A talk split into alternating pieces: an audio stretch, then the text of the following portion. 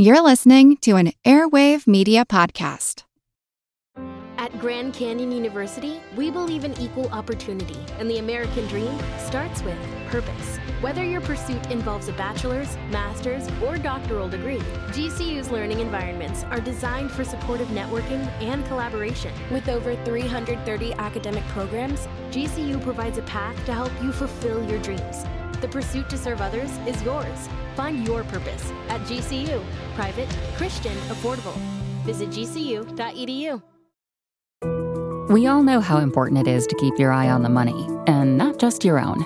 Stay on top of the latest financial and market news with Yahoo Finance, a podcast that releases new episodes almost every day. You'll hear a brief overview of the biggest news in the financial world, all in three minutes or less, right after markets close. Check out Yahoo Finance wherever you get your podcasts. That's Yahoo Finance wherever you get your podcasts. This is Kick Ass News. I'm Ben Mathis.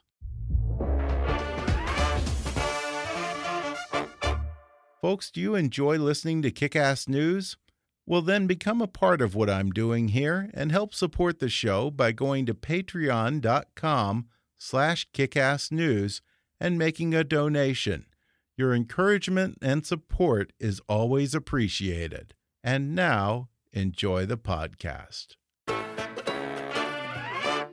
And in Berkeley, California last night, the granddaughter of William Randolph Hearst was abducted by two men and a girl in a bizarre kidnapping. Patricia Campbell Hearst, a 19 year old student, was taken from her apartment, and her fiance, Stephen Weed, was beaten and had to be hospitalized. Police and the FBI have begun an intensive investigation. Tom Pettit reports. Patricia Hearst lived in a quiet, well to do section of Berkeley. The FBI and Berkeley police have no real leads in trying to find the kidnappers and their motive. All they know is that Miss Hearst was dragged away last night after two black men beat up her fiance and a neighbor who tried to help. Her fiance said from his hospital bed today the abductors acted like commandos. So far, there has been no ransom demand. The FBI is not ignoring the possibility that Miss Hearst was taken by some kind of organization, but they just don't know. Tom Pettit, NBC News, San Francisco. The 1974 kidnapping of Patricia Hearst, granddaughter to the newspaper tycoon William Randolph Hearst, sent shockwaves across America at a time when the country was already on the verge of a nervous breakdown in the wake of Vietnam, Watergate, violent unrest, and a string of political assassinations. From the outset, it was billed as the crime of the decade, but no one could have predicted just how strange this story would get by the time authorities finally caught up to the teenage heiress. You might think you know all there is to know about the kidnapping of Patricia Hearst, but it turns out there's a lot more to the odd tale of the scion to one of America's biggest fortunes and the ragtag group of hippie militants who held her hostage and then turned her into one of their own. It's covered in the first book in 30 years to re examine the case it's called American Heiress The Wild Saga of the Kidnapping, Crimes, and Trial of Patty Hearst by my guest today, Jeffrey Toobin. He's a best selling author, journalist, and lawyer who graduated from Harvard Law School, where he was classmates with Supreme Court Justice Elena Kagan. He's made a name for himself providing broadcast legal analysis on many high profile cases, including the investigations and trial of Michael Jackson and O.J. Simpson and the independent counsel's investigation of President Clinton. In 1994, Toobin broke the story in The New Yorker that the O.J. Simpson legal team planned to play the race card by accusing Mark Fuhrman of planting evidence, and he received an Emmy Award in 2000 for his coverage of the Elian Gonzalez custody saga. In 2002, he joined CNN as their senior legal analyst, and he also serves as a staff writer for The New Yorker magazine. He's the best selling author of The Nine Inside the Secret World of the Supreme Court, for which he won the J. Anthony Lukas Book Prize, as well as his books Too Close to Call, A Vast Conspiracy, The Oath, and The Run of His Life The People vs. O.J. Simpson, which was made into a critically acclaimed television series for FX Network this year. His latest book, American Heiress, is in its fourth week in the top of the New York Times bestseller list, And today, he'll reveal some of the things you might not have known about the Patty Hearst kidnapping, including the bizarre story of her captors, Donald DeFreeze and the Symbionese Liberation Army, some of the desperate measures the FBI resorted to in the effort to find her, and her strange transformation from captive to criminal. We talk about how the case influenced media coverage of breaking news events. We discuss the defense strategy offered by Hearst's celebrity attorney, F. Lee Bailey, and how that backfired, and how the Patty Hearst saga came to be synonymous with the concept of Stockholm Syndrome. Plus, I'll get Jeff's expert legal opinion on whether OJ might soon get parole. Coming up with CNN legal analyst and best selling author Jeffrey Toobin in just a moment.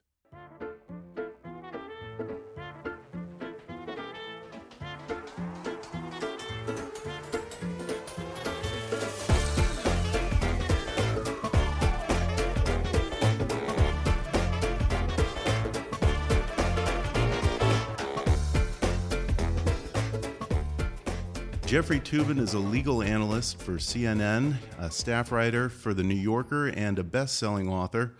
His latest book is American Heiress The Wild Saga of the Kidnapping, Crime, and Trial of Patty Hearst. Jeff, thanks for sitting down with me. It's great to talk to you. Well, you'll be happy to know, Jeff, I saw Patty Hearst this past weekend. And she, she didn't have a, a machine gun in her hand, and she seemed to be doing quite well. Where did you see her? Um, I was with some friends at the Langham Hotel in Pasadena, and purely by coincidence, turned out her daughter was having a wedding there. Her daughter I- was getting married to, uh, I guess, the guy who runs Nerdist, uh, right. Chris Hardwick. Yes. Now I, I knew she was, she was getting married. I didn't know it was there. Um, how interesting. Had a, a Yeah, she looked- a gala looked good. a gala occasion. I'm sure. It, it was worthy of the Hearst family name, I'd say. well, that's that's that's saying a lot because they've they've had a lot of luxury over the years. Yeah, well, you know, this book has been a fun read for me. I feel like this is one of those cases where most of us think we know this story, and everyone comes into it with some kind of a preconceived idea, whether they think she's a total victim or she's some spoiled brat rebelling against mommy and daddy. Um, in working on this project, for you, when you tackled this subject, was there anything that came as a surprise or a revelation to you that went counter to whatever the narrative was in your mind? Oh, lot, lots was surprising to me. I, you know, I, I was a uh, a kid when this happened, and I, I I had the barest knowledge of it. You know, this is the first book I've written that was really at the border of journalism and history. All the other books I've written have been stories that I covered for the New Yorker and Right. CNN, and then expanded into a book. This one I was starting almost uh, from square one, and um, I, I was aware that she had obviously been kidnapped, that she was accused of bank robbery, convicted. Uh, but what I didn't know was the incredible scope of the crimes she committed while she was on the run with her comrades in the Symbionese Liberation Army. You know, I knew about one bank robbery. I didn't realize there were three. I didn't realize she shot up a street in Los Angeles. I didn't realize she set off bombs. That to me was was the major revelation of, of working on the book.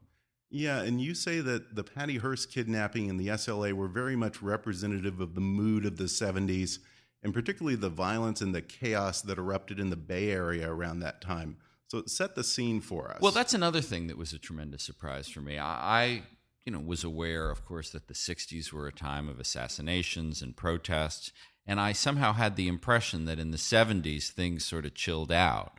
Well, I couldn't have been more wrong. The 70s were really a deeply ugly time in America, and especially, as you point out, in the Bay Area. Think about this there were a thousand bombings a year in the United States in the in the early and mid 70s. Wow, Just a thousand a bombings. thousand bombings. Now, obviously, not all of them were fatal, but some of them Yeah. were. Bombings were a part of political protest in that era in a way that's just inconceivable today. Yeah. There were two skyjackings a month in the United States. Again, uh, in- inconceivable. And, and the Bay Area was afflicted with serial killers like the Zodiac killer, the zebra killer. And, you know, just a, a- popular culture took note of it. When, when Warner Brothers wanted to make the toughest detective in the United States and put him in the worst place in the United States. They made Dirty Harry, Clint Eastwood's Right. iconic character, a San Francisco detective. I, I couldn't remember. I didn't Yeah. remember that Dirty Harry was a San Francisco detective, but I think that's indicative of how that city was portrayed uh, in, in that era. Yeah, and born out of this was the SLA. Now, before reading this book, every time I heard the story of Patty Hearst and I heard of the Symbionese Liberation Army, I always found myself looking on a map trying to find out where Symbia is. Well, turns uh, out it's a made up thing. yes, uh, what, no. what is the SLA? Well, or what uh, was the SLA? The um, part of the counterculture in the '70s was this sense that uh, the the the young people could find a um, revolutionary cadre in prisons that they could radicalize and join forces with whom they people they regarded as political prisoners. So there was this symbiosis between students and prisoners, uh, protect, particularly in this prison called Vacaville, which was near Berkeley. One of the prisoners there was a guy named Donald DeFreeze, and Donald DeFreeze came up with the idea of a Symbionese Liberation Army, which he took as a corruption of the word symbiosis, people working together. Okay. Um, so it had nothing to do with any geographical location. It was a made up word. And, you know, he called it liberation, though they didn't liberate anything or anyone.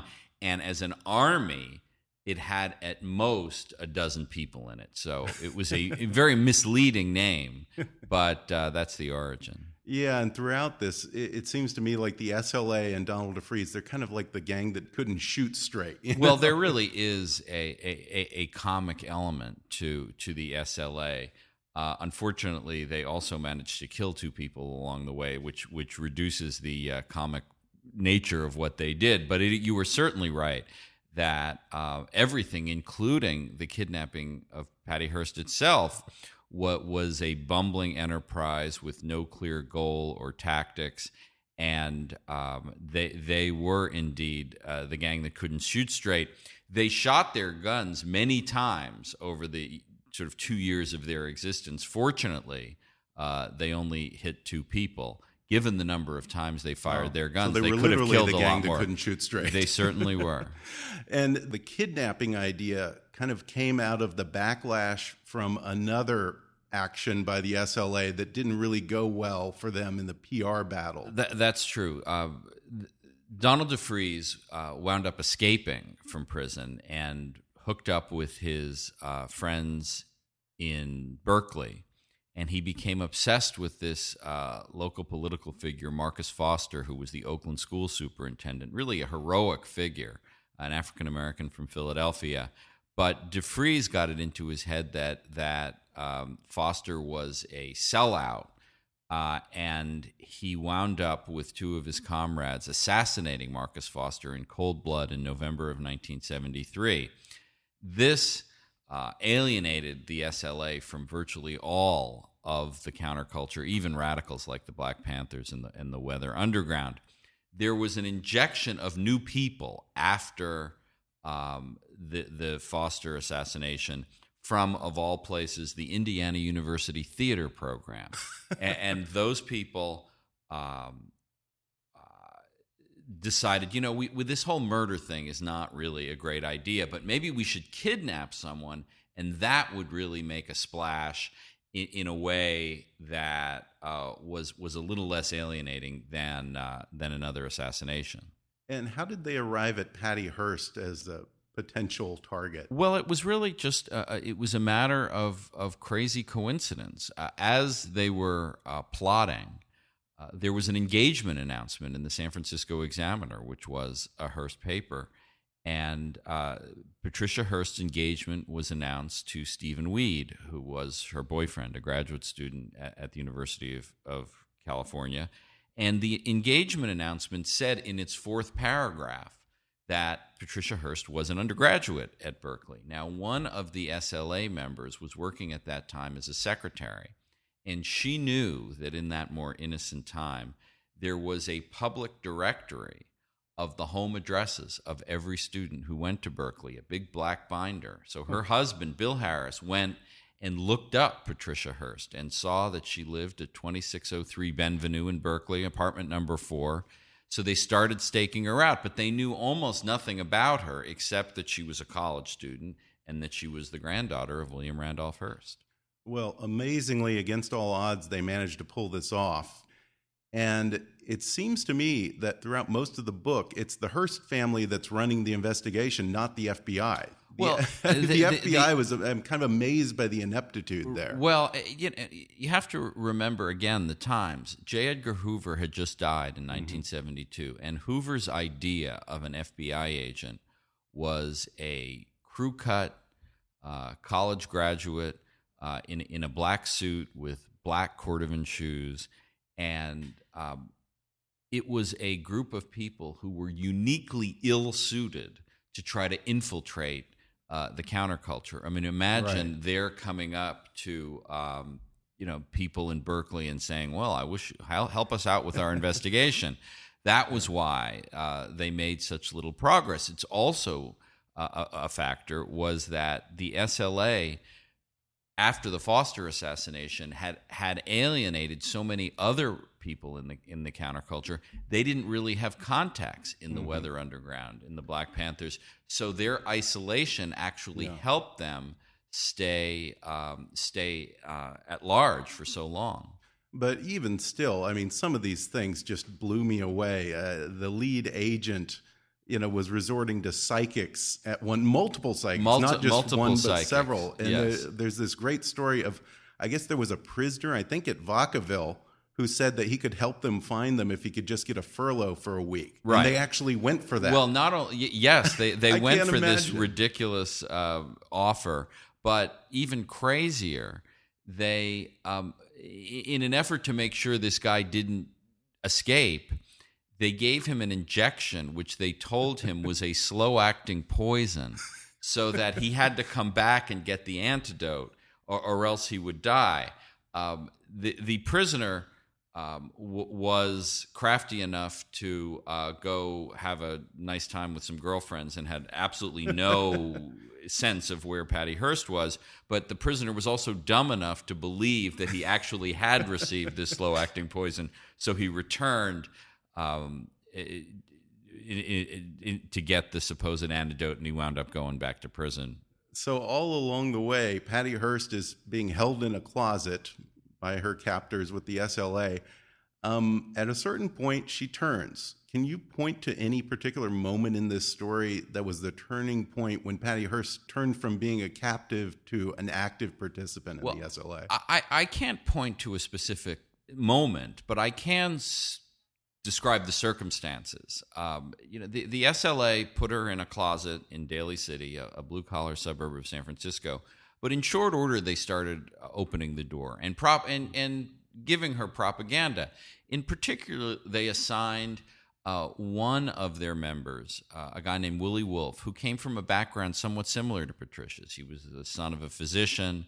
He'd gone to prep school. He'd gone to Berkeley. He was someone who came out of Patricia's world and spoke her language. And he actually wound up um, seducing her in every sense of the word. He he wound up uh, in, encouraging her to join with them, and she was in a uniquely vulnerable position. She was just 19 years old when she was kidnapped. She was living with Stephen Weed, but they were getting along poorly. She wanted to get out of her engagement, but she also was not getting along with her mother, who didn't approve of Stephen Weed. So she was whipsawed between these worlds, and like a lot of people in the 70s, um, she was looking for alternatives. And in this most bizarre circumstance, she did, in my opinion, uh, become part of the Symbionese Liberation Army.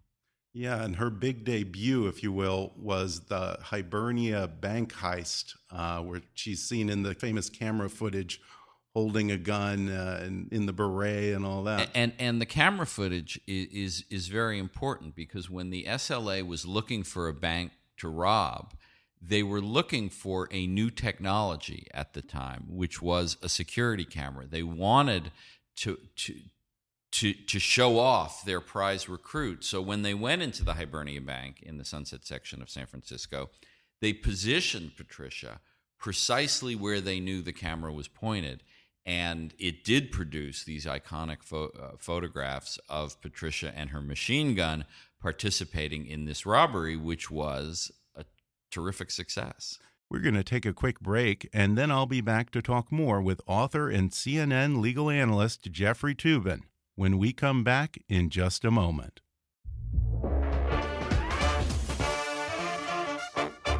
If you're enjoying my conversation with Jeffrey Toobin, then check out his best selling book, American Heiress The Wild Saga of the Kidnapping, Crimes, and Trial of Patty Hearst. And right now, you can download the audio version of his book for free with a special promotion just for our listeners from audible.com. Just go to audibletrial.com slash kickassnews for a free 30-day trial and a free audiobook download which can be American Heiress by my guest today, Jeffrey Toobin, or any of Audible's 180,000 titles. That's audibletrial.com slash kickassnews, or click on the sponsor link on our webpage to download the free audio book of your choice. And now, back to the show.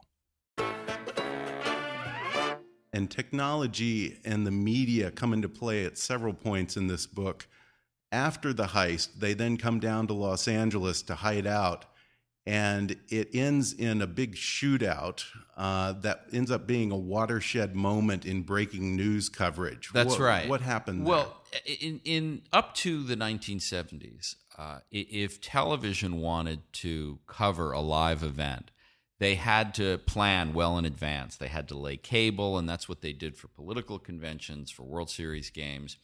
But KNXT, which was the CBS affiliate here in Los Angeles, um, had purchased the first um, live transmission truck. In fact, it was so new that KNXT actually gave it its name, which is the Minicam, which of course yeah. is now you know the standard, the, the, issue standard for, issues yeah. for how most local and national news is covered. But um, the the, the uh, nine of the SLA people um, fled from San Francisco to Los Angeles. Three of them, Patty and Bill and Emily Harris, got separated on May 16th.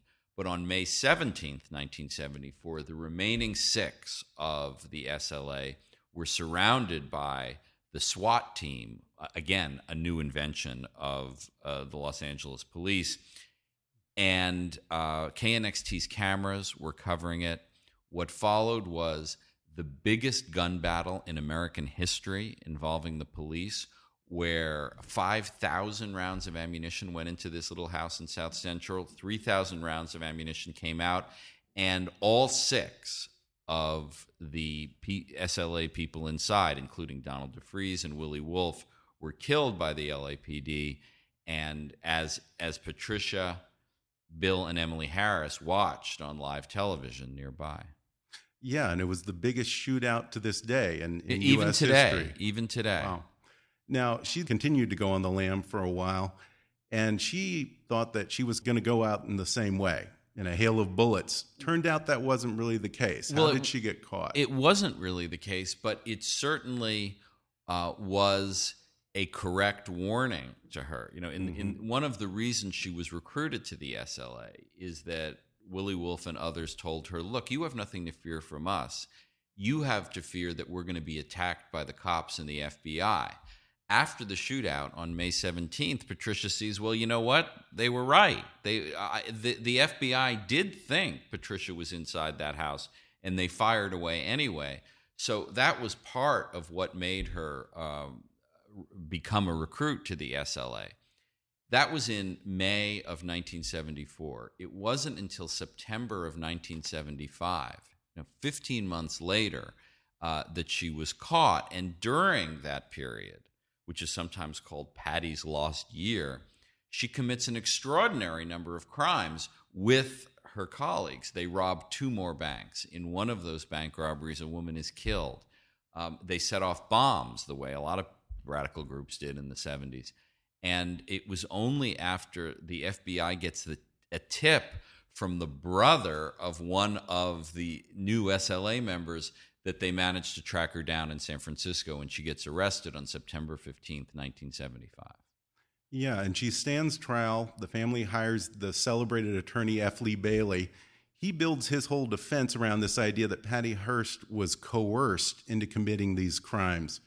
You, as you've already kind of alluded to, uh, do a pretty convincing job of picking apart the defense. What were some of the facts that refute this idea that she was coerced into all these actions? Right. The the um, the, the, key points were um, the the the independence of action she had during that during her year, uh, the number of times she was left on her own where she could have walked away, the number of crimes she participated in you know, she winds up falling in love with another member of the SLA, a guy named Steve Soliah, and they lead this domestic existence together. They live together in San Francisco.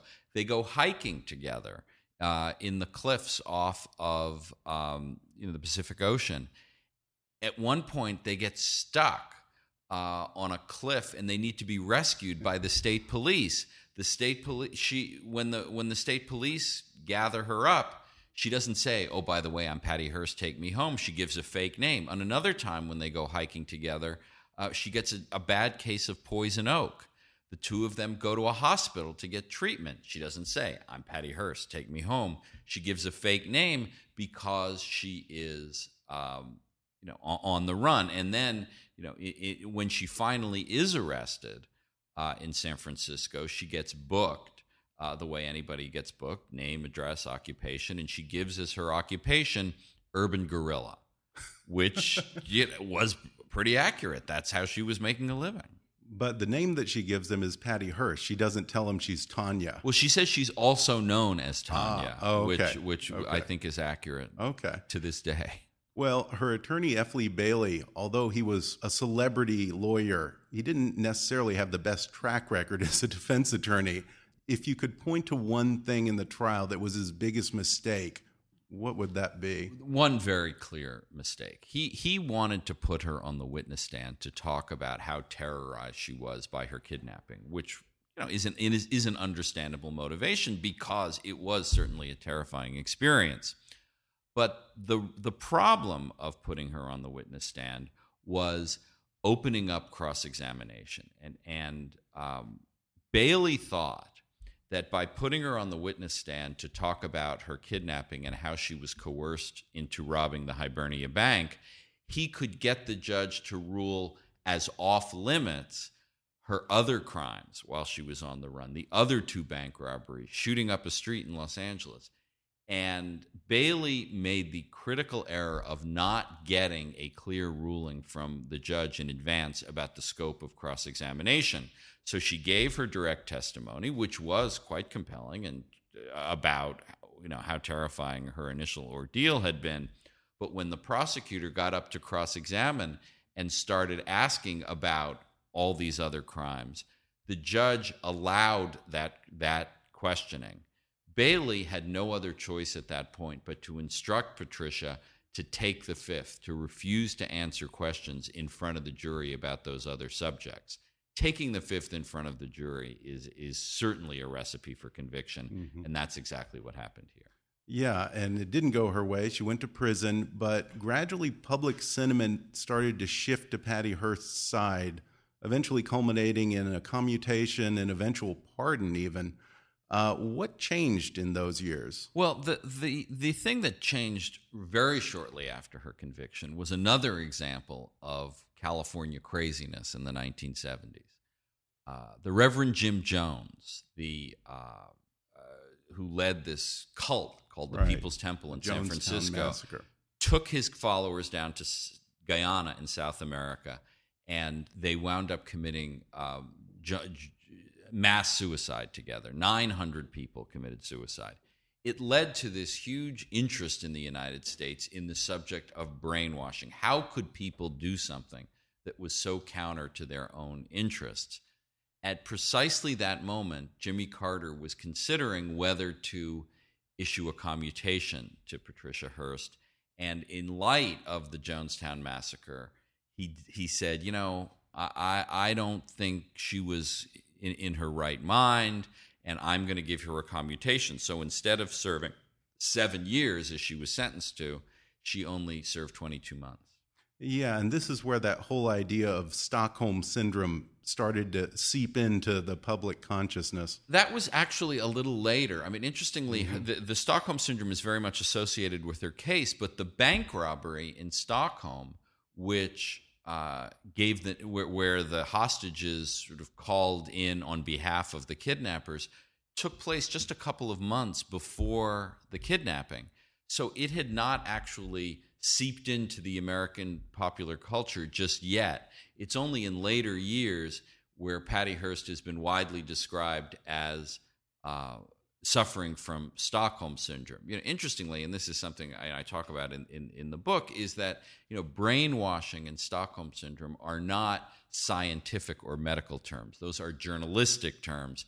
Right. And it is not true that everyone who's taken hostage identifies with their captors. It is a very um, it, it, it, it is uh, a, a, mysterious and unpredictable process who might identify and who does not. Right. If it's not technically a psychological term, then it, can that even be used as a defense? Well, because it is, it seems a lot. Well, the in in Patricia's trial, um, there were three psychiatrists who testified for the defense. There were three psychiatrists who testified for the government, and frankly, the, their testimony was so bewildering and confusing that they kind of canceled each other out, which I think is probably appropriate. And the jury, rather than focusing on the the labels that were given to her conduct, looked at the conduct herself and saw how voluntary it was, and that's really what led to her conviction. Your bestseller on the O.J. Simpson trial was turned into a hit miniseries this year on FX.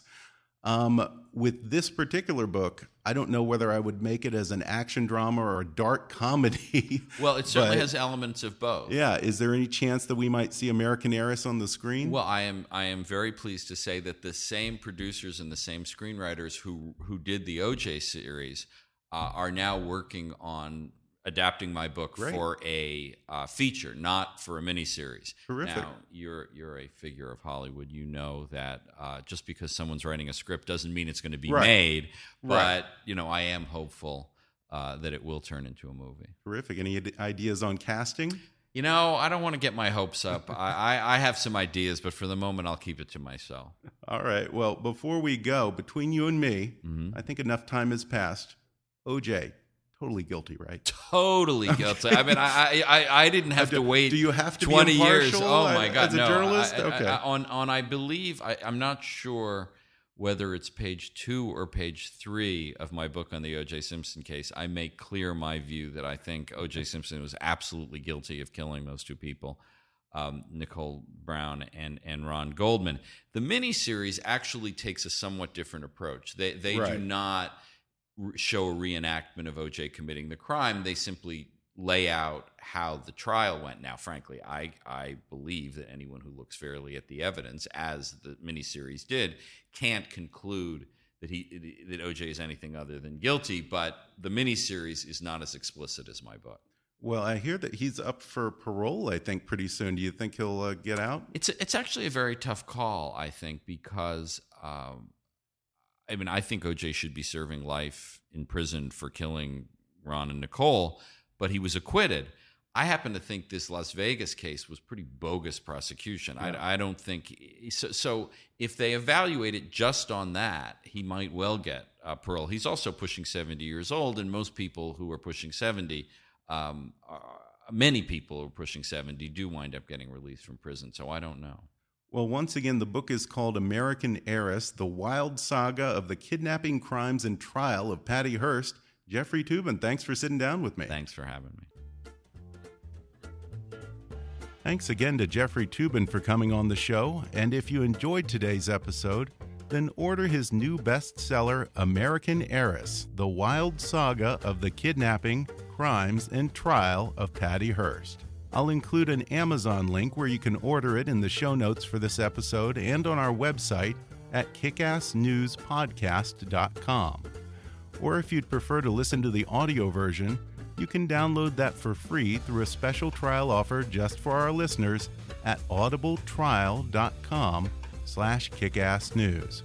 You can frequently read Jeffrey Toobin's articles in The New Yorker and see him giving his expert legal analysis on CNN. You can also follow him on Twitter at, at Jeffrey Toobin or on his website at jeffreytoobin.com. That's spelled T O O B I N. Be sure to subscribe to Kickass News on iTunes and leave us a review while you're there. And if you really want to help out, then donate to our GoFundMe campaign at gofundme.com slash kickassnews. Or if you prefer, you can set up a recurring monthly contribution at patreon.com slash kickassnews. You can visit Kickass News on Facebook or follow us on Twitter at, at KAPolitics. And please be sure to recommend Kickass News to all your friends on your social media. As always, I welcome your comments, questions, and suggestions at comments at kickassnewspodcast.com. But for now, I'm Ben Mathis, and thanks for listening to Kickass News.